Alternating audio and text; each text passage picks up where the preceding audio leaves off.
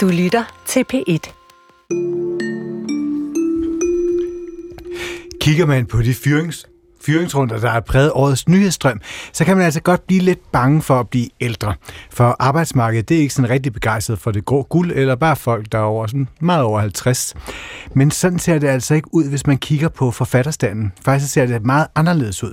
En tredjedel af landets forfattere er nemlig over 70, og dem under 30, de fylder kun en lille bitte procent. Hvad det betyder for de historier, vi får fortalt, det undersøger vi senere i den her time. Og som den øh, trofaste opmærksomme lytter vil vide, så øh, plejer der jo at være sådan noget øh, musik nedenunder, ja. men øh, derfor, den er der ikke. Men øh, derfor kan vi jo godt fortælle om, hvad vi har i den her time. Fordi vi bliver hængende ved den der ene procent af forfattere under 30. Nærmere betegnet det danske debutantlandskab, som jo blandt andet øh, bliver markeret hvert år på Bogforum øh, med debutantprisen. I år gik den til øh, Amina Elmi, der udgav digtsamlingen Barbar hos Gyldendal. Et forlag, som øh, udgav syv debutanter i, øh, i det her år, mens andre forlag slet ikke øh, havde nogen debutanter på listen. Og hvorfor? Det undersøger vi blandt andet. Og øh, i studiet er det Chris Petersen og Karen Sikker, og vi begynder med nørder. Og nu sætter jeg så det der punktum på, og så kommer den garanteret. Ja. Ja, der var den. der var den. En gang der forbandt vi nørder med computerspil, briller og svedlugtende kælder, men over de seneste 50 år, der er nørdkulturen gået fra at være en undertrykt nichekultur til at sidde på de allerstørste film og serier i verden. Tænk bare på Game of Thrones, World of Warcraft, Marvel og Harry Potter. Ja, og nu øh, bliver det så et andet øh, meget populært spil, nemlig fantasyspillet Warhammer 40K, som bliver filmatiseret. Det er Amazon, der står bag, og har den øh, populære øh, skuespiller Henry Cavill i, øh, i hovedrollen. Nå, Ja, så flot. Ja, okay. Der er rigtig mange af de her spilserier, som bliver filmatiseret. Øh, også øh, Dungeons and Dragons kom som film. Det var sidste år, tror jeg. Er det ikke rigtig Nej, det var i foråret. Foråret, ja. Den her nørdkultur er altså for længst blevet øh, til mainstream-kultur, og den sælger. Men sådan var det ikke, da Warhammer 40K udkom første gang i 1987. Dengang var det et brætspil ja. For nørder. For nørder. Ja, og så skal jeg præsentere dig rigtigt. Lars Kontak, velkommen. Jo, tak. Ph.D. i informationsvidenskab fra Aarhus Universitet. Og jeg tror også godt, vi kan kalde dig kæmpe nørd selv. Jo, desværre måske. For, for der ved nørdkultur og rollespil og computerspil siden 80'erne har fandtes øh, både privat og i din forskning. Ja. Hvorfor ser vi i de her år øh, de her spil øh, øh, blive til film? Ja, altså det, det er der sådan set to grunde til. Den ene er, at øh, de der at Hollywood er vant til efterhånden at håndtere franchises. Altså det går jo helt tilbage til James Bond i 60'erne og Star Wars i 70'erne. Altså man er begyndt at, at gå efter et franchise. Ja. Og det, der også er det gode ved det, det er, at der så er en fanbase. Altså at der er en hel masse folk, der er villige til at øh, gå ind og se det. Og de er meget bedre i kontakt med deres fanbase, end de måske var i, da de lavede den slags film i 80'erne og 90'erne. Fordi når de lancerer sådan en film, så lancerer de også et noget på internettet, hvor de hører, hvad fansene gerne vil have. Ja. Og det, er også, og det bliver så et univers, som de kommende biografgængere eller seriekiggere øh, jo kender. Ja, altså der er jo nogen, der rigtig kender det her Ja. rigtig godt, og som har vokset op med at male figurer Ja. helt tilbage i i 80'erne og 90'erne, og selvfølgelig skal ind og se en Warhammer, uanset hvor god filmen måtte være. Ja. Og så er der selvfølgelig øh, andre, for hvem det er et helt nyt univers, som de skal lære at kende. Ja. Hvordan foregår den her samtale mellem øh, fankulturen og så pro- producerne? Ja, altså de første til rigtig at gøre det, øh, det var faktisk, øh, st- øh, hvad hedder det, Peter Jackson Nå. med øh, de der Ringenes Herre-film, hvor der løbende var en øh, dialog på, huske, på nettet mellem, mellem øh, hvad, hvad han havde, havde i tankerne, og hvad de gerne ville have. Så, det, øh, så på den måde er det jo, øh, bliver de ikke altid, øh, nogle gange fungerer det, så nogle gange fungerer det ikke så godt. Altså, mm. Der har også været nogle gange, hvor øh, fansen er, er vendt i ryggen af forskellige grunde. Og, Ja. Og man vælger selvfølgelig øh, at lave film ud af spil, som er populære. Hvorfor er det, Warhammer er så populært? Altså, det spørger jeg helt oprigtigt, for jeg har aldrig spillet det. Ja, hvorfor Undskyld, er det så Lars. populært? Altså, det, øh, det, hvad hedder det, dem, der startede det, øh, de er jo begyndt at spille øh, Dungeons and Dragons i slutningen af 70'erne og starten af 80'erne, og, og stod faktisk for at sælge Dungeons and Dragons i England. Så det er jo et britisk spil. Og øh, de startede så med at lave Warhammer Fantasy, altså en fantasy-version af det, og det var først øh, i, det var i 83, og så i fire år senere, så laver de så en science fiction-version af det.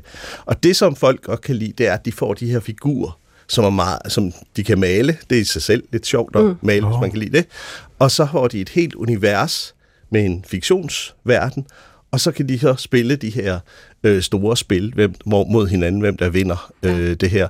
Og så kom der i forlængelse af det også en hel masse bøger, øh, der blev udgivet. Så øh, langsomt begyndte den her, øh, det her univers at udvikle sig til at blive fra at være meget øh, øh, simpelt beskrevet i begyndelsen til at være meget, meget velbeskrevet og nærmest øh, uoverskueligt ja. og i, sådan, i dag. Og sådan flermedielt, men altså, de maler figurerne, men hvordan så spillet ellers sådan oprindeligt ud? Altså, hvad, altså, hvad det, var, man det foregik på et, et bord, et og bord. så satte man nogle Men det kræver ting et meget op, stort og det, spil. det kræver et øh, spisebord, så at sige, at, at spille et, i starten. Et, et ellipsebord. Ja, måske også. ja. og, og så stillede man op øh, på hver sin side med sin, øh, sin hær. Ja, man havde malet, den ene havde måske malet nogle Orgon, den anden måske nogle Space Marines. Hvor mange? Det, det kunne jo variere. Nogle var det måske bare 20 figurer til at starte med, andre er det måske 100 figurer. Og, og, mm. øh, så det, øh, men det er også alt, alt efter, hvor, hvor stort det skal være. Så man har som spiller, har man en masse figurer inde i hovedet? Altså, Nej, nej, man stiller figurerne op på bordet. Nå, men jeg tænker, at nå, jeg ikke, man har ikke inde i hovedet, man har ikke spist det, men man, har ligesom, man spiller ligesom med en masse karakterer Ja. På en eller anden måde, man skal holde styr på os. Ej, man spiller ikke de, øh, så, så samtidig, så senere kom rollespillet. Der spiller oh, man så okay. en enkelt figur øh, i rollespillet, og spiller, lever sig ind i den. Men det der, det var meget sådan et øh, strategisk spil, Wow. hvor man spillede herre mod herre. Og nu bliver det lige nørdet nok, ikke? Jo, Jamen, du spurgte. ja, men det er mm. præcis. Fordi det, men det, det er lige præcis det med nørderne, fordi nu begyndte vi jo med at sige, at det var jo engang sådan noget, hvor man, altså som noget, man brugte lidt negativt om Ja. nogen, øh, som var sådan lidt indesluttet og interesserede sig vældig meget ja. for et eller andet. Øhm, hvordan har det udviklet sig? Jamen, det har udviklet sig, øh, det ændrer sig meget i 90'erne. Fra i starten af 90'erne, der øh, bliver ordet ret nyt i Danmark, måske i slutningen af 80'erne, kommer ordet nørd til Danmark, og det er meget negativt. Altså, ja. øh, øh, og så mod allerede i slutningen af 90'erne har det vendt sig, og det, der vender sig, det er internettet og Bill Gates. Fordi pludselig kan man se, at Bill Gates er blevet verdens rigeste mand, og han er også en nørd. Så det er jo ikke så dårligt i sig selv. Og så samtidig så sker der også det, at alle folk, i for, før i tiden, der var det sådan nogle meget få, der var computernørder og interesserede sig for det. Ja. Og pludselig blev alle lidt forholdt sig, at skulle forholde sig til den her øh, internetvirkelighed, ikke? Så, så pludselig blev vi alle sammen nørder, og så var det jo pludselig meget mere positivt. På det første, man kunne blive rig på det, og øh, alle de øh, værdier. Samtidig så, internettet var jo også skabt af nørder tilbage i 60'erne. Øh, altså øh, nogle øh, folk på MIT og andre steder, øh, øh, der, hvad hedder det, udviklede computer og internettet og compu- de første computerspil. Så da de laver internettet, og det bliver jo den, en, det blev internettet i 1983, tror jeg det er, eller i hvert fald i starten af 80'erne. Og øh, der er de først til at komme ud med deres kultur. Det er de her nørder, og det, bliver, det handler om science fiction, det handler om fantasy, det handler om spilkultur. Mm. Og altså ikke så meget fodbold, mere sådan nogle øh, spil som det her. Ja. Og så, så, så da internettet bliver udbredt, så bliver den kultur, der følger med internettet, også udbredt. Så lige pludselig bliver en hel masse folk, der aldrig har mødt den her kultur, pludselig udsat for den. Men hvad kendetegnede Bill? Altså, jeg er jo vokset op med Bill Gates som et ikon. Jeg tror ikke, jeg har tænkt på ham som nørd. Jeg, jeg var ung i sådan 90'erne, og nu- slut 90'erne og 0'erne. Jeg tænkte jo bare på ham som værende sådan en sej forretningsmand, en udvikler. Det var han jo også. Men, men hvorfor var han nørdet? Jamen altså, han øh, står jo for at øh, udvikle alt til computer. Han er jo sådan lidt nørdet type, hvis du kigger på ham, ikke? Altså, han er jo ikke sådan den der øh, meget udadvendte øh, erhvervsmand. Han er mere sådan en lidt tilbagetrukket og, og nogle gange sådan lidt kajtet fyr. Og så, hvad hedder det, øh, og så var det jo alt det, han stod for. Det var jo øh, Excel og Word og øh, altså computer, ting til computeren, ikke? Og, og de folk, der lavede det, det var jo programmører, der, der jo også var jo på deres måde en del af nørdkulturen. Mm. det siger noget om vigtigheden af at have rollemodeller. Altså, Ja. Fordi du siger ligesom, det var ham, der gjorde det ind at være, ja. at være nørd. Ikke? Ja. Jeg tænker på, hvorfor, hvorfor er, øhm, er måske især fantasy-universerne forbundet med det nørdede? Du sagde, det er jo ikke så meget fodboldspil og sådan noget. Det er de der fantasy-spil. Det går helt tilbage til 20'erne og 30'erne, og især 30'erne. Øh, der sker en meget, meget mærkelig kulturudvikling i 30'erne, hvor man beslutter sig for, øh, som reaktion på Første Verdenskrig, tror jeg, at sige, at alt, hvad der er eskapistisk, det skal kultur, øh, det er den akademiske kultur ikke handle om. Det skal være abstrakt kunst eller realisme, gerne socialrealisme. Og så er det, at øh, hele den kultur, der så udvikler sig i 20. århundrede med science fiction og fantasy og horror, bliver efterladt. Ja. De har ikke nogen, der tager sig af den. Og så sker der det mærkelige. I 1929, der er der en fyr, der hedder øh, Jerry Siegel, der laver sit, et lille fansign, vil man kalde det i dag, øh, der hedder øh, Cosmic Stories. Og i 32, sammen med en anden fyr, der hedder øh, Joe, Joe Shuster, så laver han et andet fansign, der hedder net, øh, Science Fiction. Og, og de begynder så at udgive det her i en øh, små blade om, om science fiction. Altså undergrundslitteraturkritik. Ja. Og øh, de skaber også lidt deres egen historie. I 1938 går de så sammen og laver øh, en tegneserie, der hedder Superman. De fleste har hørt om Og den resten af historien. og, og, og så på den måde, så øh, man får også de her conventions. Den første store Worldcon er i 1939. Og det spreder sig bare fra, øh, fra science fiction og fantasy og horror og til comics. Og senere, så er nogle af de der øh, spil, ting tager, tager også de her ting op. De begynder at lave brætspil, historiske brætspil. Det stammer, stammer i øvrigt fra H.G. Wells, ja. øh, som også var Ja. en øh, science fiction forfatter. Ja, ja. Øhm, og de begynder simpelthen at, at have, mødes ved de her conventions, hvor de diskuterer deres egen kultur. Så mens den akademiske kultur kører deres helt eget løb, så er de her, de udvikler deres undergrundslitteraturkritik med deres egne conventions og deres egne små blade.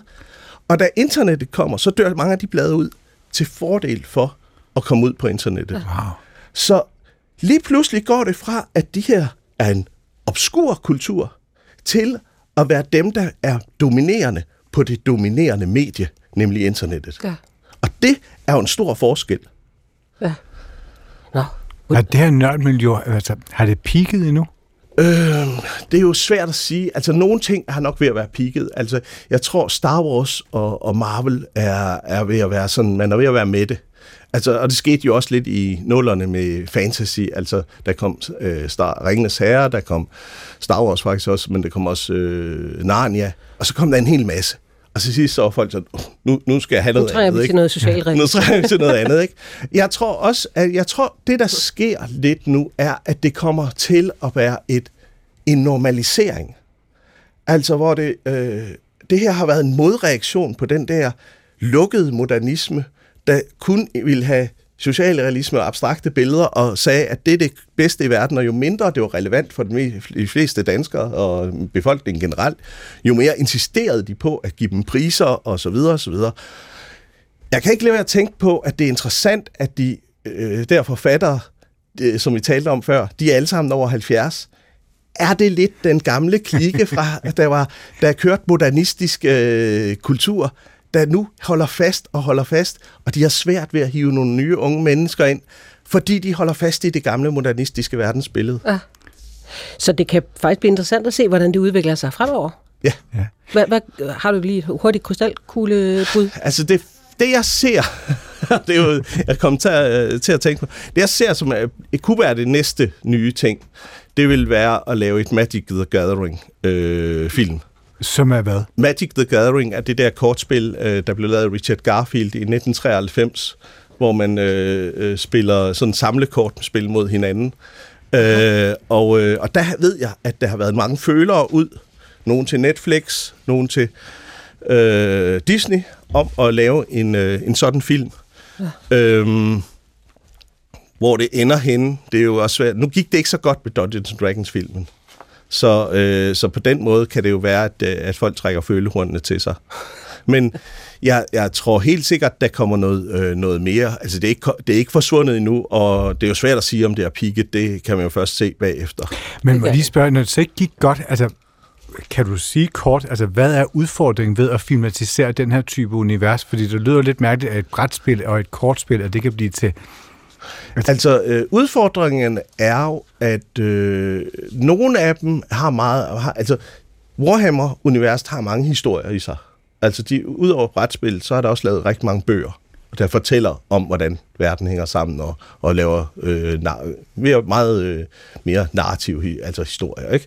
Og, men hvis vi tager sådan noget som Magic the Gathering, der er også skrevet bøger til det, men altså, nogle gange kan det være problematisk at, at få det øh, oversat, og det er, jo, det er det jo gælder jo altid, når man laver en oversættelse fra, mm. fra et medie til mm. et andet.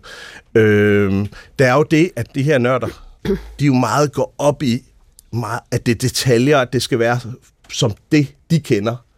Og der er det jo resten af, af, af, af de folk, der kunne gå ind og se biografen, de, er de er lidt ligeglade med, bare det er en god film. Ja, ja, selvfølgelig. Tak for det. Lars Kontak. Øh, og god jul. Ja, i lige måde. Vi ser måske ikke hinanden inden. Ph.D. i øh, informationsvidenskab for Aarhus Universitet. Øh, og hvornår øh, den her Warhammer-film øh, får øh, biografpremiere, det er ikke offentliggjort endnu, men der vil være, nok være øh, fans på kø lur, øh, hist og pist.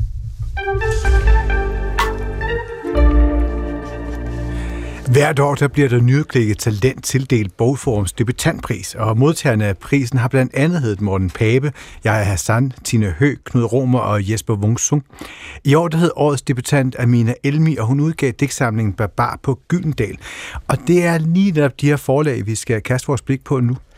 Og det har vi faktisk gjort i de senere år øh, ved den her tid, for blandt andet at se på, hvad det er for nogle debutanter, øh, som forlagene øh, har udgivet. Det svinger ret meget øh, fra den gamle mastodont Gyldendal, har udgivet syv debutanter til Lindhardt og Ringhof, som ikke har haft debutanter på programmet i år. Fy, da.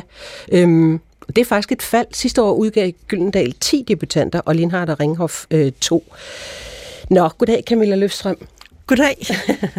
Litteraturanmelder på Information. Vi skal, vi skal prøve at tegne et lille portræt af det her øh, i første omgang debutantlandskabet. Hvordan definerer man en litterær debutant? Fordi det synes jeg kan være lidt vanskeligt nu om dagen. Det er klart, fordi det er jo både et godt ord i marketing strategi, og, det, øh, og så er der ægte debutanter. Ja, forklar. så, ja, altså, jeg vil sige, dem, der er interessante, øh, for mig i hvert fald, og det håber jeg også for jer, når vi skal snakke sammen om det her, det er dem, hvor at det er den første bog. Altså, at det ikke bare er en romandebut, eller en øh, person, som har skrevet journalistik, øh, fagbøger, som så skriver en spændingsroman. Altså, ja. altså, men at det er, øh, det er der, hvor der kommer en, øh, et nyt menneske, og øh, dermed øh, nye erfaringer, øh, og som øh, øh, altså ikke øh, er kendt i forvejen, kunne ja. man også sige. Ikke? Altså, fordi man kan sige, med, øh, altså med Amina Elmi, har jo selv skrevet, at øh, i sin digtsamling var bare, at det er breaking news, ikke? og det er så breaking good news, og øh, der handler det jo, altså ud over et kæmpe talent, så handler det også om repræsentation. Øh, så debutanter, det er jo også noget med at tale om det nye. Ja på alle mulige forskellige måder. Nu er den ikke ja. for i år, men når Benjamin Koppel for eksempel udgiver en, en bog, så, så vil du ikke kalde det en ægte debutant, fordi han har i forvejen et musikalsk godt nok navn. Ja, altså det er så måske lige på grænsen, ikke? Ja. Men, øh, men altså, øh, dem som, øh, altså ud over øh, Amina Elmi, som så fik Bogforums debutantpris, så kan man jo sige, at de der priser, de hjælper os jo så også til at få øje på debutanterne, fordi der er også en anden debutantpris, som er rigtig vigtig, og det er Bodil og Jørgen Munk Christensens debutantpris, og den bliver givet til to debutanter hvert år. Og det er øh, øh, Nat Krause, der har fået den sammen med Benedikte Huang. Og det, er også, altså det giver os også et meget godt billede af, hvad det er, der foregår, fordi i Nat Krauses debut, som hedder Logan i Aoki Gahara, som er øh, et, et navn på en, en øh, japansk øh, skov, som er kendt for, at der er mange unge mennesker, der begår selvmord der. Ja. Øhm, øh, I Nat Krauses øh, debut, der skriver de om at få afslag på Gyldendal. Og den er så udkommet på Møllegades øh, lille forlag, som har en serie, der hedder Æra, som er øh, altså som kun udgiver debutanter. Ja. Så her der får vi ligesom, altså ved at læse øh, Nat Krause og Mina Elmi, så får vi ligesom Gyldendal Mastodonten, og så øh, den helt, altså det er ikke kun fordi den har fået en pris, Nat Krauses øh, bog, at jeg også virkelig synes, man skal øh, vende sin opmærksomhed mod den. Det er også fordi, det er en meget stærk debut. Ja. Og det, øh, det er jo spændende så at se, hvordan det sådan, altså ofte er mikroforlagene, der ligesom opdyrker talentet og faktisk bruger redaktørtimer på hinanden. Altså det er jo måske mennesker, der kender hinanden, eller mennesker, som alle sammen er skrivende, har fundet nogle fællesskaber, men så udgiver de ikke bare hinanden, de redigerer også hinanden. Og jeg tror, det er det, som vi skal, altså, skal snakke om, fordi det er jo det, som de kommercielle ja. forlag har svært ved åbenbart at afse ja. penge til det, redaktørtimer til det. Det har du fuldstændig ret i. Det skal vi nemlig dykke mere ned i. Jeg, jeg, nu nævnte vi lige de her øh, få tal, Øh, hvad, hvad mener du om, om, det, om det? Det er jo altså under 10. Øh, Altså, det er jo ikke mange på et år. Ja, og det er så, øh, altså det ser jo rigtig sort ud, det må man bare sige. Og så er det så, at, øh, at jeg vil øh, sige til øh, altså læsere, som er interesseret i at, at høre de, øh, de nye forfattere læse deres værker, det er altså at gå ind på Mikrofest. Der ligger alle mikroforlagene samlet, fordi de udgiver jo debutanter. Og der øh, kunne det så være Basilisk, for eksempel, der har udgivet Mie Læsø. Det kunne være Arena, der har udgivet Silas Toft, som også bare er to meget stærke debuter, og der er flere. Og så øh, Gades forlag øh, er jo så også et af de eller det er noget nyt, at de også øh, virkelig er begyndt at satse på kvalitetslitteratur, og mm. dermed også på debutanter, så øh, altså, de er ikke med øh, i jeres tal der. De har nej, nej. også, øh, altså de har øh, Benedikte Huang med Døtreskole, som altså også fik øh, Munk Christensens debutantpris. Ja. Ikke? Så, så hvis, hvis ikke vi havde mikroforlagene eller undergrunden, tidsskrifterne, hele det der vækstlag, så ville det virkelig være trist. Jeg kan da med at tænke der med, altså bogform, der kender jeg debutanterne ret godt. Og jeg er, ikke, jeg er, ikke, sådan, jeg er ikke vildt elitær i min litteratursmag. Det er sådan, at der, de rammer sådan rimelig præcis for mig. Men hvad kendetegner de her to priser? Er der forskel på de, på de forfattere, de ligesom øh, premierer? Det, jeg synes, der har været øh, stor forskel. Sådan, så man kunne sige, at Bogforms debutantpris var mere bred, og Munk Christensen så smalt, altså hvis man skulle gøre det, sige det meget kort. Men de senere år, der har ikke været så stor forskel. Ja. Der synes jeg, at Bogforms debutantpris, det er sådan en, jeg har virkelig holdt øje med. Mm. Øhm, ja, at den er blevet, øh, altså den er, det er meget kvalificeret. Ja. ja. Nå, øh, Camilla, vi skal lige have en anden stemme øh, ind i programmet, fordi øh, vores øh, kollega Nana van Thornburg øh, talte med litterær direktør på forlaget Lindhardt og Ringhof. Han hedder Sune øh, de Sousa Schmidt Madsen, øh, her til morgen, øh, blandt andet for os at finde ud af, hvad det er, forlagene kigger på, når de skal finde de her debutanter. Vi kigger på en eneste ting, og det er talent. Altså, det er jo, det er hvad jo er sådan, det? så... Jamen, det er jo, at du tager fat i en bog, hvor du ikke kan slippe den igen. Altså, som redaktør er du jo først og fremmest en læser. Og det vil sige, du, du har jo det samme, så hvis du øh, går ned i en boghandler eller ned på et bibliotek, og du samler en bog op, og du bliver nødt til at låne den med hjem. Det er jo den følelse, man leder efter man leder efter, og, det, og man kan jo ofte blive overrasket over, hvad det er for en dagsorden, eller hvad det er for et emne, det, den her bog nu handler om. Altså, det er jo ikke sådan, så vi sidder og tilrettelægger, hvad for nogle emner er vigtige at tale om, og så går vi ud og konstruerer en håndfuld debutanter. Det er jo den anden vej rundt, sådan at vi, øh, vi, får, vi, vi får noget materiale, eller vi opdager nogle velskrivende mennesker ude i landskabet, som vi, øh, som vi tager kontakt til, og så må man arbejde ud derfra. Men det er jo ikke sådan en kontrolleret proces, hvor vi sætter syv flueben. Hvor vigtige er debutanterne for den litterære danske scene? Jamen, det er jo, øh, ja, det, det er jo alle sammen. Alle, en, hver eneste forfatter, du ser derude, har været debutant en gang. Det er jo lidt ligesom at sige, hvor, hvor vigtig er fødsler for menneskeheden. Altså, det, kan du, det, er jo, det er jo klart, det starter jo der. Altså, øh, hvad hedder det nu? Øh, det er jo debutanterne, som bliver forfatterne. Så, så, så, så de er jo, øh, det, det, altså uden debutanter er der jo ikke nogen litterær scene. Nej, så vi minder lige om, at uh, Lindhardt og Ringhoff så ikke udgav nogen debutanter i år. Det kan man jo så. Men det vender vi tilbage til. Det har vi nemlig også spurgt ham om.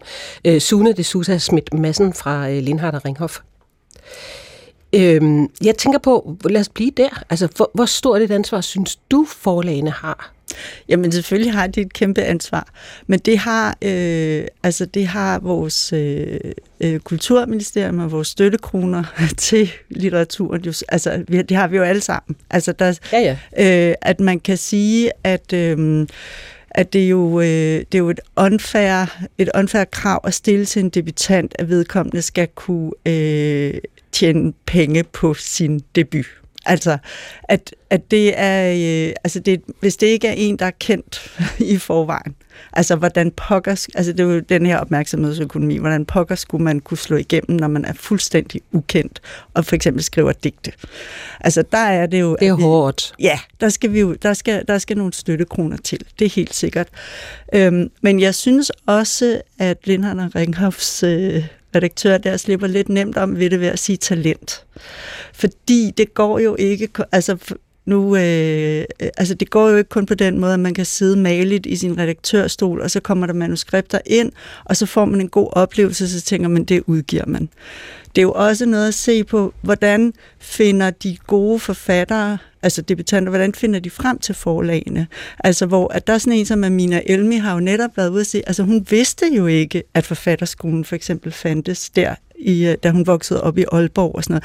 Altså, så det som, øh, hvis nu jeg var Sune, så ville jeg jo også ansætte nogle redaktører, som havde en, som ikke lignede mig selv. Det vil sige, som ikke alle sammen var hvid middelklasse som havde, ja, sådan så, at det vil jeg, altså det vil, der vil jeg virkelig tro, at man kunne gøre noget for at få, altså ikke bare repræsentationen øh, bedre, men altså selvfølgelig også altså en mangfoldighed af virkelig interessante debutanter, hvis man øh, også kiggede på redaktørledet, og simpelthen ansat nogle mennesker, som havde fingeren på pulsen, hvad man nu vil kalde det. Jeg kunne heller ikke være med at tænke på formuleringen, øh at få en tekst, altså få en tekst i hånden, som man ikke kan lægge fra sig. Der ligger også nærmest det, at det er en nærmest færdig, færdig fortælling, ja. som man skal have ind, før at man synes, den er ja. en, altså, det, ja. det sætter også meget høje krav til debutanten, ikke?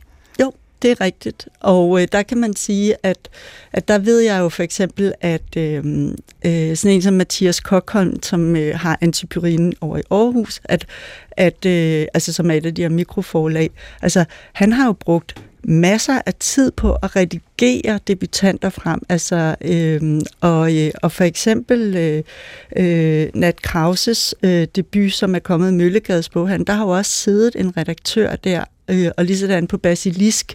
Altså, der, har, det, der ved jeg, at de processer har været, øh, har været nogle længere processer, at øh, de har ikke bare fået et færdigt manus. Øh, og det ved jeg så ikke, hvordan det har foregået med Mina Elmis debut, det er klart, men altså, at øh, det er i hvert fald øh, en meget øh, luksusagtig tilgang, hvis man mener, at man kan få et øh, helt færdigt manuskript, som bare er klart. Lad os lige så gøre Lindhardt og Ringhoff færdig, fordi som, som vi har nævnt nogle gange, de udgav ikke nogen debutanter i år, øh, og det øh, skal Sune de Sousa Schmidt Madsen selvfølgelig øh, svare på, hvorfor. Det er sådan, at øh, når man antager en ny forfatter, så, øh, så arbejder man jo med bøgerne, og vi har hele tiden et stort antal debutanter i udvikling, men, øh, men nogle gange falder det sådan, så, øh, så bøgerne ikke lige bliver klar. Øh, som debutant, der kan det være svært at udkomme i det meget travle efterår, hvor, øh, hvor der står, hvor boghandlerne de lægger op til julesalget, og hvor alle de store forfattere udkommer, så kan man nemt blive overset. Øh, og det vil sige, at debutanterne skal vi helst have udgivet i løbet af årets første halvår, eller senest hen i retning af august. Og det vil sige, hvis man ikke når til det punkt på en debutantudvikling, hvor man kan nå at udkomme før sommerferien, så, øh, så er det tit, at vi bliver nødt til at og skubbe udgivelserne ind til året efter. Som debutant har man jo ofte lagt overvis i sin første bog, og det vil simpelthen være for ærgerligt, hvis man udkommer på et tidspunkt, hvor, hvor præsten ikke har tid til at øh, anmelde en, eller boghandlerne ikke rigtig bemærker, at man udkommer. Så derfor så har vi meget tit vores debutantudgivelser fra januar så op til sommerferien, ikke? Ja, så øh, i hele det her, den her cyklus af bogudgivelser, ja. så vil man typisk som debutant udkomme før... I første halvår. Ja. ja. Der er selvfølgelig undtagelser, og, og, og, og det har vi også nogle gange gjort, men i det store hele er det, er det, er det sådan, cyklusen eller økosystemet øh, fungerer. Det tror jeg gælder de fleste forlag. Når, når man kigger på øh, antal debutanter, I har udgivet de seneste par år, så ja. hvad hedder det, så er det jo gået en lille smule, jeg ved ikke om man siger ned eller op ad bakke, det er i hvert fald øh, gået nedad i antal. Det er jo ikke fordi, at vi sætter os ned og siger, at vi skal have debutanter. Altså vi vil jo, vi vil, vi vil, vi vil jo lave de bøger, som vi synes er vigtige og gode, og, og så skal vi bagefter udvikle dem. Og hvis det tager tre år, jamen så tager det tre år, og hvis det tager et halvt år, så tager det et halvt år. Men det, men det er ligesom ikke styret efter en eller anden form for normering. Og så kan man selvfølgelig godt bagefter sidde og efterrationalisere og sige, hmm, øh, var vi gode nok i 2016 til at have antennerne ude, eller havde vi for travlt? Eller, forstår du, hvad jeg mener? Men ja. det, er jo ikke, altså, det er svært helt præcis at sætte fingrene på det, men vi har i hvert fald talt meget om det de sidste par år, fordi at vi simpelthen ikke har haft nogen. Ja. Og, og, og der har vi haft en masse ting i udvikling, og det er jo også sådan, det er jo ikke alt, hvad der kommer i udvikling, som også ender med at blive til en bog. Altså det, det har man jo også nogle gange en oplevelse af, at man går ind i et samarbejde, og så viser det sig, at, at det blev ikke stærkt nok, og så ender man med, at det ikke bliver til noget. Der, og der, der har vi jo godt kunne se, at de sidste par år, der har vi haft for få debutanter, synes vi selv. Så, så vi har haft meget fokus på, at det i hvert fald ikke måtte fortsætte sådan her. Så det er nok mere sådan, man manøvrerer i det. Men hvad har I så gjort, nu når du siger, at I har øget fokus, og, og det kan man jo se i og med, at der udkommer fire debutanter næste år og fire i 25, så kan man jo se, at I har gjort et eller andet. Kan, kan du sætte nogle ord på, hvad? Jamen ja, altså vi har haft ekstremt høj grad fokus på idéudvikling hen over de sidste to år. Ja. Øh, og det øh, kan man sige, det er jo kommet samtidig med en periode, hvor vi to gange har, har vundet de gyldne laverbær. Øh, så, så det har jo været sådan en, en ret højintensiv periode. Øh, og det, øh, det har så også båret frugt. Lyder det altså fra Lindhardt og Ringhoff. Køber du de forklaringer her, Camilla Løfstrøm? Altså, det er jo dejligt at høre, at øh, Sune de Sousa Schmidt Madsen er enig med os i, at der faktisk skal arbejdes på de her debutanter, ikke? fordi det er jo faktisk det, han, øh, han siger her. Så det, øh, det er jo godt at høre. Øhm, jeg forstår ikke helt, hvad de gyldne laverbær laver der i denne her snak, fordi det er jo en pris, der bliver givet til, øh, det kan sagtens være en rigtig øh, god bog, men det er jo også en bog, som har solgt det er jo boghandlernes pris. Ja. Altså, så det er ligesom noget andet end, altså det er jo i hvert fald noget, der fungerer lidt mere på markedets, ja. øh, markedskræfter. Ikke? Så, men Øhm, det er da rart at høre, at de har fokus på det. Det synes jeg da, øh, det synes jeg da bare, vi skal holde dem op på. Ja, for det var også det, du var ja, inde på. Man skal ja, arbejde for det. Ja. Det, øh, I det, det udvikle. Ja, altså, øh, og så også, øh, jeg synes også, at det er noget med at gøre sig tilgængelig. Altså, at øh, alle de, øh, at være opsøgende, altså i, øh, i den bedste af alle verdener. Ja. ja. Så hvis du løfter blikket, altså går helt op i helikopteren, så niveauet for de debutanter, vi har set her i år, hvordan har det været? Jamen, jeg kan godt lide at Hvad tale om, at der både er sådan en, øh, en årets debutant, Amina Elmi, og så er der også sådan et debutanternes år, altså 2023. ikke? Fordi når jeg så kigger på mikroforlagene også, så, øh, så bliver jeg meget glad. Og så er der... Øh, Øh, men det der måske, altså man kunne sige med Amina Elmi, der har det jo, altså der er der øh, et, øh, et, en stærk forbindelse mellem hendes egen historie og digtsamlingen.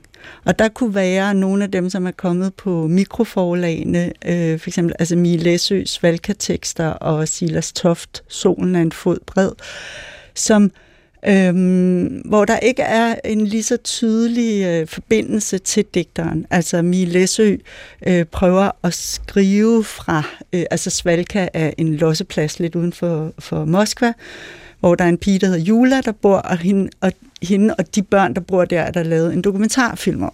Så ligesom sådan at sige, okay, øh, hvordan kan jeg skrive øh, hvordan kan jeg sætte mig i Julas sted, og bare det at begynde at tale fra en andens øh, position.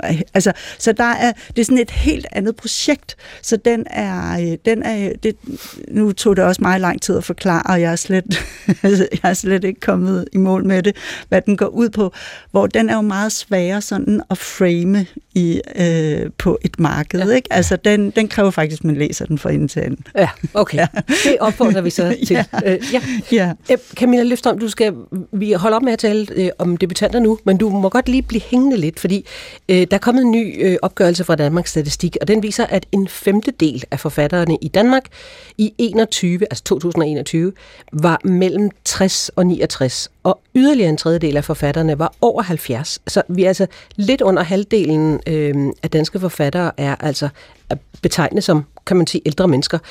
Og så er der kun 1 procent, der er under 30 år. Det kunne øh, Christel Dagblad skrive om i dag. Øh, og hvorfor ser det sådan ud, øh, vil vi gerne tale videre med dig om. Øh, fordi nu, nu taler vi om de her debutanter, som jo er ganske få. Altså, det er jo, der er jo ingen procenter i dem. Det er jo promiller.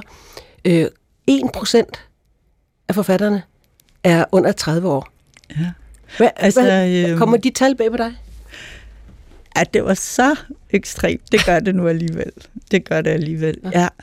Øh, også øh, fordi nogle af dem, jeg har nævnt her som debutanter, ja, men det er jo så, øh, altså det må vi jo, øh, altså vi skal jo, altså vi skal måske lige begynde med at sige, eller jeg skal måske begynde med at sige, at det er ikke fordi, vi vil være af med de gamle altså, det, øh, altså, og det, altså faktisk, når nu, hvis vi taler om sådan litteraturens øh, økosystem eller fødekæde, så er der jo nogle af de der ældre forfattere, Kirsten Thorup, Susanne Brygger, Peter Laugesen, Jens Merup Sørensen, som, jeg, som øh, er både er aktuelle, og som jo så også er øh, forfattere, som, øh, som både inspirerer øh, den yngre generation gennem deres værker, men jo som så sandelig også læser ja. de unge, ja. og også læser dem, inden de bliver udgivet bøgerne. Ikke? Altså, så de er sådan nogle øh, øh, øh, usynlige øh, redaktører, øh, og sindssygt vigtige Altså så både som forfatter og som, øh, og som nogle ja, læsere af den unge generation. Ikke? Ja, der er mange af de unge forfattere, der simpelthen tager ud og besøger de her, de her ældre, og ligesom ja. får dem afsted. Vi har øh, en øh, gæst med ja. øh, på en, på en øh, linje, som er Simon Pasternak, forlagschef for Dansk Skønlitteratur på Gyldendal. Velkommen, Simon. Tak skal du have. Kan du høre mig? Ja, det kan du tro, jeg kan. Øhm, og det kan lytterne også, håber jeg. Øh, nu, nu talte vi jo før om, om debutanter. Dem er der ikke så mange af. Øh, og kun 1% øh, er under 30 år, at det dansk statistik øh, betegner som forfattere. Hvorfor tror du, der er så mange, så stort forskel, Simon? Jamen altså, først og fremmest så vil jeg jo sige, ligesom Camilla, at øh, lad os nu ikke skælde ud på de gamle. Altså dem, der holder ved i det, der sådan over et, øh, en bred kamp er en ret øh, dårligt betalt øh, gruppe af mennesker i Danmark. Der er nogen, det lykkes for, men bestemt ikke alle. At man holder ud og skriver og interesserer sig har nogle læsere, det er jo fantastisk. Når det er sagt, så er det jo et kæmpe problem. Øh, at, øh, at der er så få til synlædende, hvis de her tal nu passer Altså, jeg synes jo mange af de debutanter, vi har faktisk i slutningen af 20'erne, at Mina Elmi for eksempel, hun får så lov til at være i den ene procent et halvt år til. Men, vi, men det tyder jo på, at der er et stort problem med at få unge mennesker til at interessere sig for litteratur.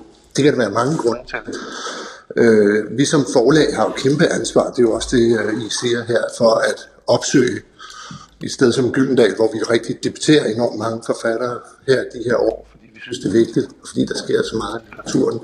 Vi skal jo åbne os op øh, og ligesom komme ud af vores sådan, institutionelle konservatisme, eller hvad man nu skal kalde det, øh, og gå ned og finde ud af, hvad er det, der sker, lytte til, hvad er det for en litteratur, der kommer, øh, finde nogle andre måder at redigere på, øh, hvilket vi også arbejder med. Mm. Når det er sagt, så synes jeg, at der er en kæmpe læse- og litteraturkrise i Danmark. Og det betyder, at... Øh, og den er måske især ung? Jamen, det synes jeg, den er. Og det handler om, tror jeg, at litteratur, som bare for 20-30 år siden var et sted, øh, som ligesom var højt skattet i vores samfund, som det sted, hvor man øh, kan lære sig selv at kende, blive underholdt osv., der er litteraturen ligesom blevet mindre interessant. Og så har vi et kæmpe problem med vores undervisningsinstitutioner hvor øh, litteraturen og bøgerne stort set er forsvundet øh, ud af skolen. Øh, man ødelægger og nedlægger øh, skolebiblioteker. Øh, man læser ikke særlig meget litteratur øh, længere. Øh, skriver mere efter nogle sådan formater, så kan man skrive en kronik, så kan man skrive øh, så kan man skrive et, øh, et indlæg på en eller anden måde. Men man lærer ikke og skatter ikke, hvad litteratur er. Man sidder for sjældent med en bog i hånden. Og det vil sige, at dem, det vil sige, hvis du ikke kommer fra et hjem eller et sted, øh, som interesserer sig for litteratur, så får du ikke særlig mange invitationer. Det er jo også det, Amina Elmi siger. Der er ingen, der har fortalt mig, at der var noget, der hed forfatterskole. Og det vil sige, at hvis man ikke gør det sådan, at man har et skolebibliotek, at man tror på litteraturen derude. Skolebiblioteket har jo været øh, op gennem det 20. århundrede den vigtigste sociale elevator for folk, der ikke var født ind i litteraturen. Og hvis du ikke ligesom øh, får mulighed for at stifte bekendtskab med, hvor fantastisk litteratur er, øh, det er ikke en ting i dit liv, det er ikke noget, som har nogen øh, prestige eller specielt stor værdi i samfundet, så synes jeg ikke, det er specielt mærkeligt, at der ikke er så mange, som går ind i litteraturen. Det vil sige, at du skal være enten født ind i den, eller også skal du være lidt en særsleje. Ja. Altså, jeg kan heller ikke være med at tænke sådan helt, helt praktisk økonomisk, når jeg tænker på sådan, altså, 70'erne, 80'erne, hvad jeg kan huske, hvad jeg ikke kunne, for jeg ikke vokset op der, men der var jo sådan, altså Kirsten Torp, hun var jo sådan en stjerne, når man så billeder, hun står sammen med Michael Strunge, ryger cigaretterne, der er billeder i aviserne og sådan noget, Susanne Brygger var også en form for stjerne. Altså, er der sket noget sådan, altså, er der, et ø- altså, er der noget økonomi, der gør det måske også bare simpelthen er svært at være ung debuterende forfatter nu? Ja, det skal jo nok passe. Altså, jeg, jeg synes jo faktisk, at den litteratur, der kommer de her år, øh, er ekstremt idérig og enormt spændende, og faktisk, øh, når det lykkes, så øh, sætter den virkelig gang i nogle enorme diskussioner om, hvem vi selv er. Se bare på Glenn Beck, der debatterede for to år siden, eller Amina Elmi, der debatterede på Bølledagen her for et par måneder siden. Det sætter ligesom gang i nogle helt enormt mange diskussioner om klasse for eksempel, eller etnicitet, eller hvad vil det sige at være et vi, og sådan noget så er jeg jo ikke som dig, Chris, sådan en enorm billedmenneske, så jeg ved jo ikke, om man også skal se godt ud for... Øh, nej, nej, nej, jeg tænker mere på med, at, sådan, altså, sådan, altså, at, at sådan økon, altså økonomisk, jeg, når jeg forestiller mig sådan en forfatterscene i 70'erne og 80'erne, så tænker jeg også, at man solgte simpelthen flere bøger, hvis man var en debutant, som bragede igennem. Og nu, nu ved jeg, at Glenn Beck, der er det gået rigtig godt, men det er jo ikke, jeg forestiller mig ikke, at salgstallene er sådan vanvittigt høje for, for de unge forfattere nu. Altså er der en forskel der i forhold til, til ja, for 20 år siden? Jamen det jeg vil sige, det er, at en debutant kan sælge rigtig godt, hvis øh, de går ind i, i og bliver en uafhængig del af den diskussion, som vi i øvrigt har om, hvem vi selv er. Øh, og det vil sige, at folk, der ellers ikke læser, læser den her bog. Ja. Men vi kan sige, ligesom i 70'erne og tilbage de sidste 3.000 øh, år, ikke, så har der været læsende, i hvert fald de sidste 300 år, der har været et stort læsende publikum, som bare er en kritisk masse, som gerne vil have noget nyt. Og der må vi sige, og det er jo også det, der er læsekrisen, at ja, ja. læserne forsvinder. De er jo også ældre, og det vil sige, at hvis vi synes, at litteratur er spændende, så skal vi gøre vores som forlag.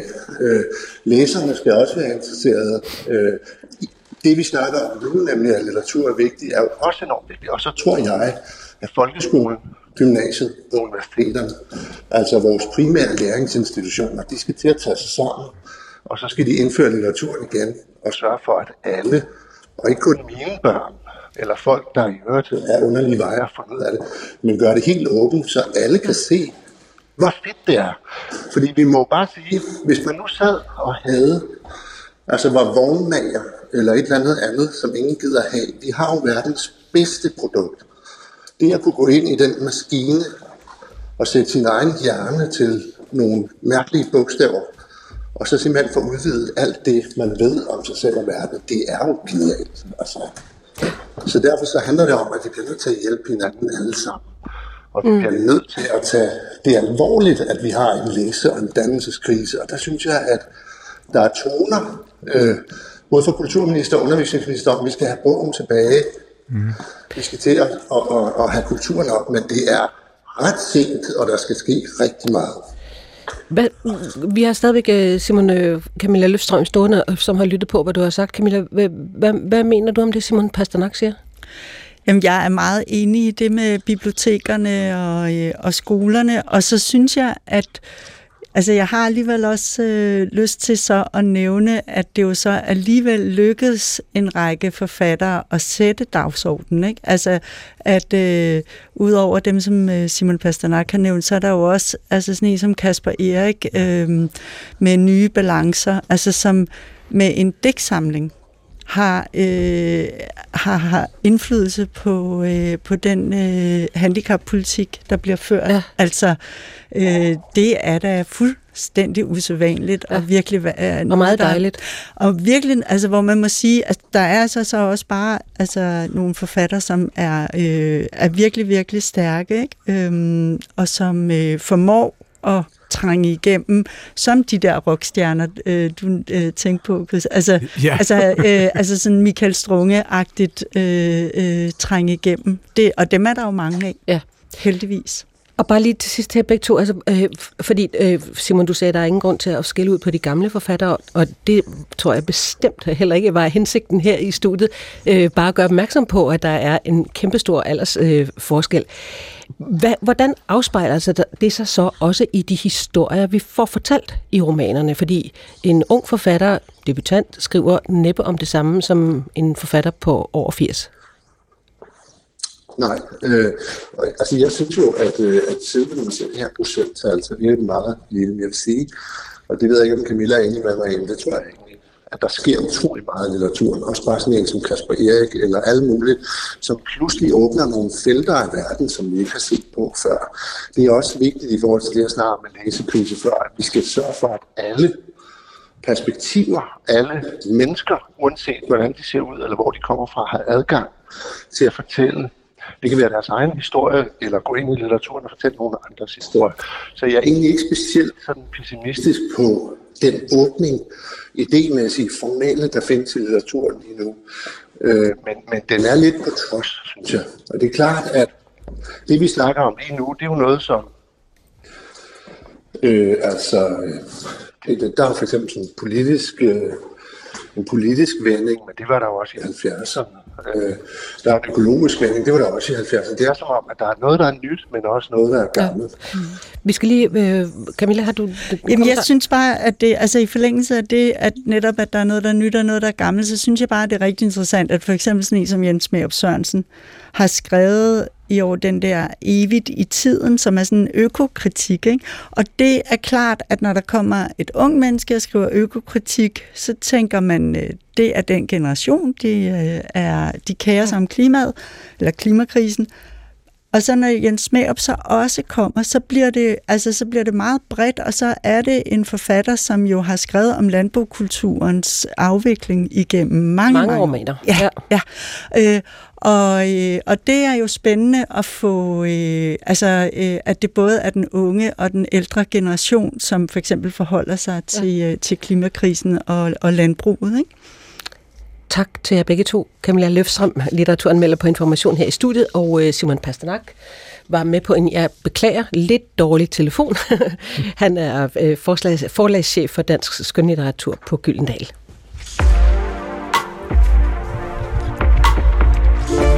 I sidste uge der var der stor bekymring og så stor lettelse hos danske film- og tv-produktionsselskaber.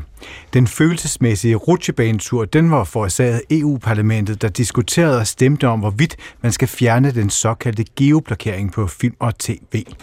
Ja, og, og historien er jo, at der blev først øh, stemt for at fjerne øh, den, øh, og så blev alle bekymrede, og så blev forslaget ændret, og så blev de lettet igen.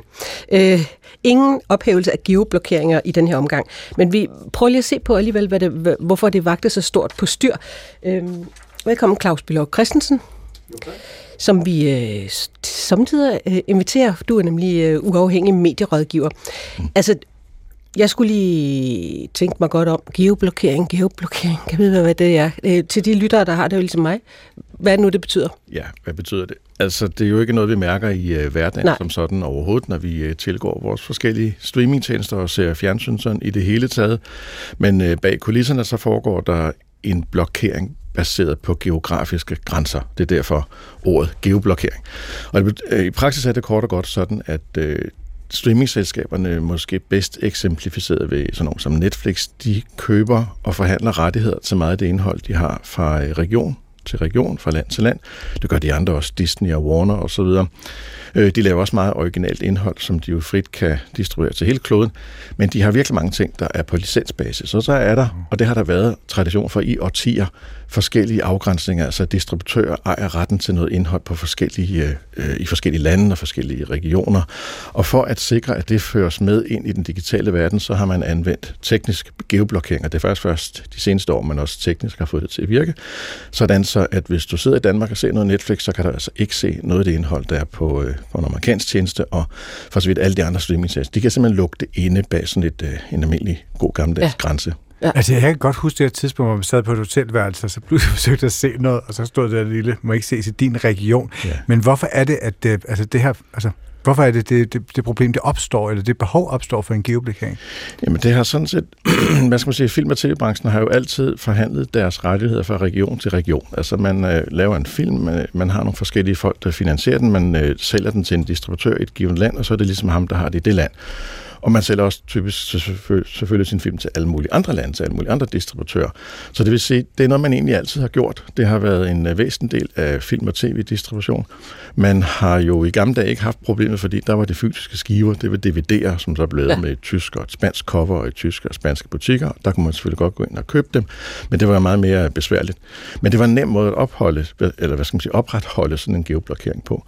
Øhm, så det er sådan, hvad skal man sige, en tradition. Det er en, det er en, det er en helt fast indgroet del af økonomien i at finansiere film, og ja, også tv-serier. Ja, og prøv at fortælle noget om det. Altså, hvorfor har, hvis vi ser for eksempel for, på, på danske produktionsselskaber, altså, hvorfor har, hvordan, hvad har geoblokeringen betydet for økonomien for dem?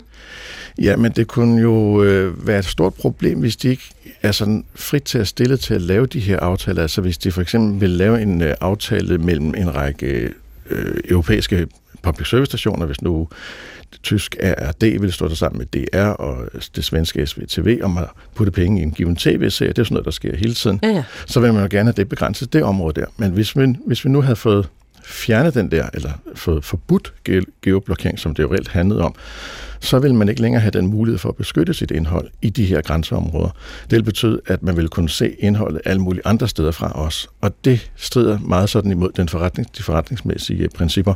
Et, øh, et andet eksempel kan være, et meget godt dansk eksempel er faktisk en TV2-serie for et par år siden, der hed Kriger, ja. øh, som blev finansieret Øhm, øh, øh, der var produktionsskabet Miso, som også havde lavet noget andet for Netflix, den der hed The Rain.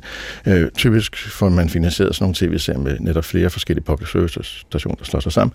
Men her havde man kun fået finansiering fra øh, TV2 og fra øh, NRK i Norge og fra Yle i Finland. Men så fik man resten af pengene til at lave tv-serien fra Netflix. Som net, og Netflix fik så retten til at distribuere den til hele kloden på nær Danmark, Sverige, øh, nej, Danmark, Norge og, øh, og Finland.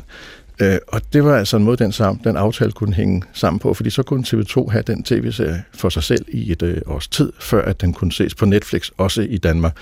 Men altså, hvis man i Danmark gerne vil se kriger og ikke gad at have TV2 Play så kunne man så se den fra Sverige hvis der ikke fandtes Hvis ikke der havde været geoblokering. Så det er sådan okay. et, øh, et, et, eksempel, praktisk eksempel. Ja. Og så hvis vi vender tilbage til, til EU, øh, i sidste uge var der jo så pludselig bekymring øh, også ikke mindst blandt de, de danske produktionsselskaber, fordi man nu øh, øh, havde vedtaget det her forslag om at fjerne øh, blokeringerne. Mm. Prøv lige at, at forklare, hvad, hvorfor det, hvad det var, der skete der. ja, altså årsagen til, at det har været så stor en sag i øh, EU, er jo simpelthen... Øh, Øh, at noget af det eneste DNA i EU, det er jo det fri marked, og det er den fri bevægelighed af varerne ja. over, over grænserne, og, vi, og den fri arbejdskraft og så videre skal Også kunne kulturvarene. Mm. Lige præcis, ja. Øh, og hvis du åbner en webshop i Danmark, så må du ikke sige, at den er kun for svensker og nordmænd og danskere. Den, den, du skal have den stillet til råd for hele EU. Det er simpelthen en, en EU-lov, øh, kan man godt sige. Ikke? Øh, og der har, man, der har det været meget magtpålæggende for rigtig mange øh, parlamentsmedlemmer, at det skal også gælde hele det digitale område. Man har jo i dag også, øh, taler ikke bare om det indre marked, men også det indre digitale marked, at digitale produkter skal være underlagt de samme krav. Og der har det været en torn i øjet, at øh, filmbranchen har fastholdt, at de vil have de her geoblokeringer, netop fordi de har de her årtier gamle måder at øh, finansiere mm. deres film på og lave aftaler med hinanden indbyrdet, som vil gå helt i opløsning, hvis geoblokeringen øh, forsvandt. Ja. Øh, så det er sådan, der er noget ideolog, ideologi i det. Jeg kan ikke forestille mig, at der er så mange lobbyister, der vil tale øh, for, at man fik geoblokering, men det vil altså EU-parlamentsmedlemmerne i høj grad. Det de ville lige her til det sidste nærmest. Øh, og lobbyister, ja, der har været op mod 700 underskrifts, underskrifter øh, fra branchen i hele EU omkring, I må endelig ikke gøre det her. Det vil sige, der har været et massivt pres på parlamentsmedlemmerne om at lade være med det, fordi I ødelægger vores marked. Det kan godt være, at det overholder, hvad skal man sige, den sådan generelle øh, princip omkring det åbne. Det, ideologiske fundament. Ja, men... ja, ja. ja. Og hvis øh, for eksempel det danske parlamentsmedlem Karen Melcher, hun har været en stærk for til en, en af hendes mærkesager og har skrevet og ageret rigtig meget omkring det her. Så har man altså sammensat sådan en, en retssag, som det hedder for at sige, nu skal vi, eller et stykke papir, og for nu skal vi altså øh, videre med det her, nu skal vi have det udjævnet, vi skal have det væk inden 2025. Og det, der så skete i sidste uge, da man stemte om det, var, at man faktisk forkastede det her stykke papir. Ja. Øh, og så indtil videre ser det ud som om, det er lagt på hylden. Jeg tror desværre nok, det kommer op igen på et eller andet tidspunkt, men indtil videre, så kan man ånde lettet op. Det gør man sandelig også, fordi det vil være helt uoverskueligt for branchen i løbet af de næste øh, års tid at skulle tilpasse sig sådan en helt ny måde ja. at forretning på. Men hvis det så lykkes at få fjernet de her geoblokeringer, hvad er det så for nogle konsekvenser, branchen de ser ind i med dine øjne? Jamen så er de jo ikke længere i stand til at lave de her regionale afgrænsninger. Så er man ikke i stand til at lave en øh, aftale med for eksempel Netflix om en tv-serie, som kun skal distribueres øh, i, øh, eller som de kun må distribuere i nogle europæiske lande, men ikke i andre europæiske lande, fordi der har man nogle aftaler med nogle public service stationer, som er stadigvæk meget godt eksempel det med KRIA. Der havde man altså fundet sammen mm. en række af de nordiske public service, og vil gerne finansiere, men så vil man så også gerne have den for sig selv, serien. Så den form for aftaler kan man ikke lave mere. Og hvis man er Disney eller HBO eller Netflix, så har man jo ikke bare sådan en model, man har mange forskellige modeller for, hvordan man laver ja. aftaler. Hvad skal man sige? Altså Netflix har for eksempel klaret det fint, hvis de, når de selv laver The Crown og sådan noget, så er der ikke nogen problemer, fordi så er det en global distribution. Ja. Så, har, har de, så er de ligeglade med det her. Men de vil øh, være meget ked af det, de her store streamer, hvis ikke det vil være, hvis det ikke vil være muligt for dem at lave de her regionale aftaler. De har tre måneder til at beslutte, hvad de vil. Tak skal du have, Claus Bylov Christensen, ja. uafhængig medierådgiver. Hej Thomas. Hej. Hvis nu jeg spurgte René om, hvordan det er at være gift med dig, hvad vil hun så svare? Jeg vil tro, hun vil svare, at han er ikke den nemmeste at være gift med. Vær med, når journalister fra TV Glad inviterer en kendt dansker til en særlig samtale. Jeg kender selv til ensomhed. Hvordan er det at være Mette Frederiksen og være alene? Hvis jeg skal være helt ærlig over for dig, så er jeg nok sådan en, der putter en masse ting ind i mit liv. Fordi det, jeg nok er aller, allermest bange for, det er at blive ensom. En særlig samtale. Første juledag på DRTV og kl. 21 på DR1. Ja, det var altså første time af Kulturen, og nu er der Radioavisen. Lige om lidt. Om få sekunder. Gå på opdagelse i alle DR's podcast og radioprogrammer. I appen DR Lyd.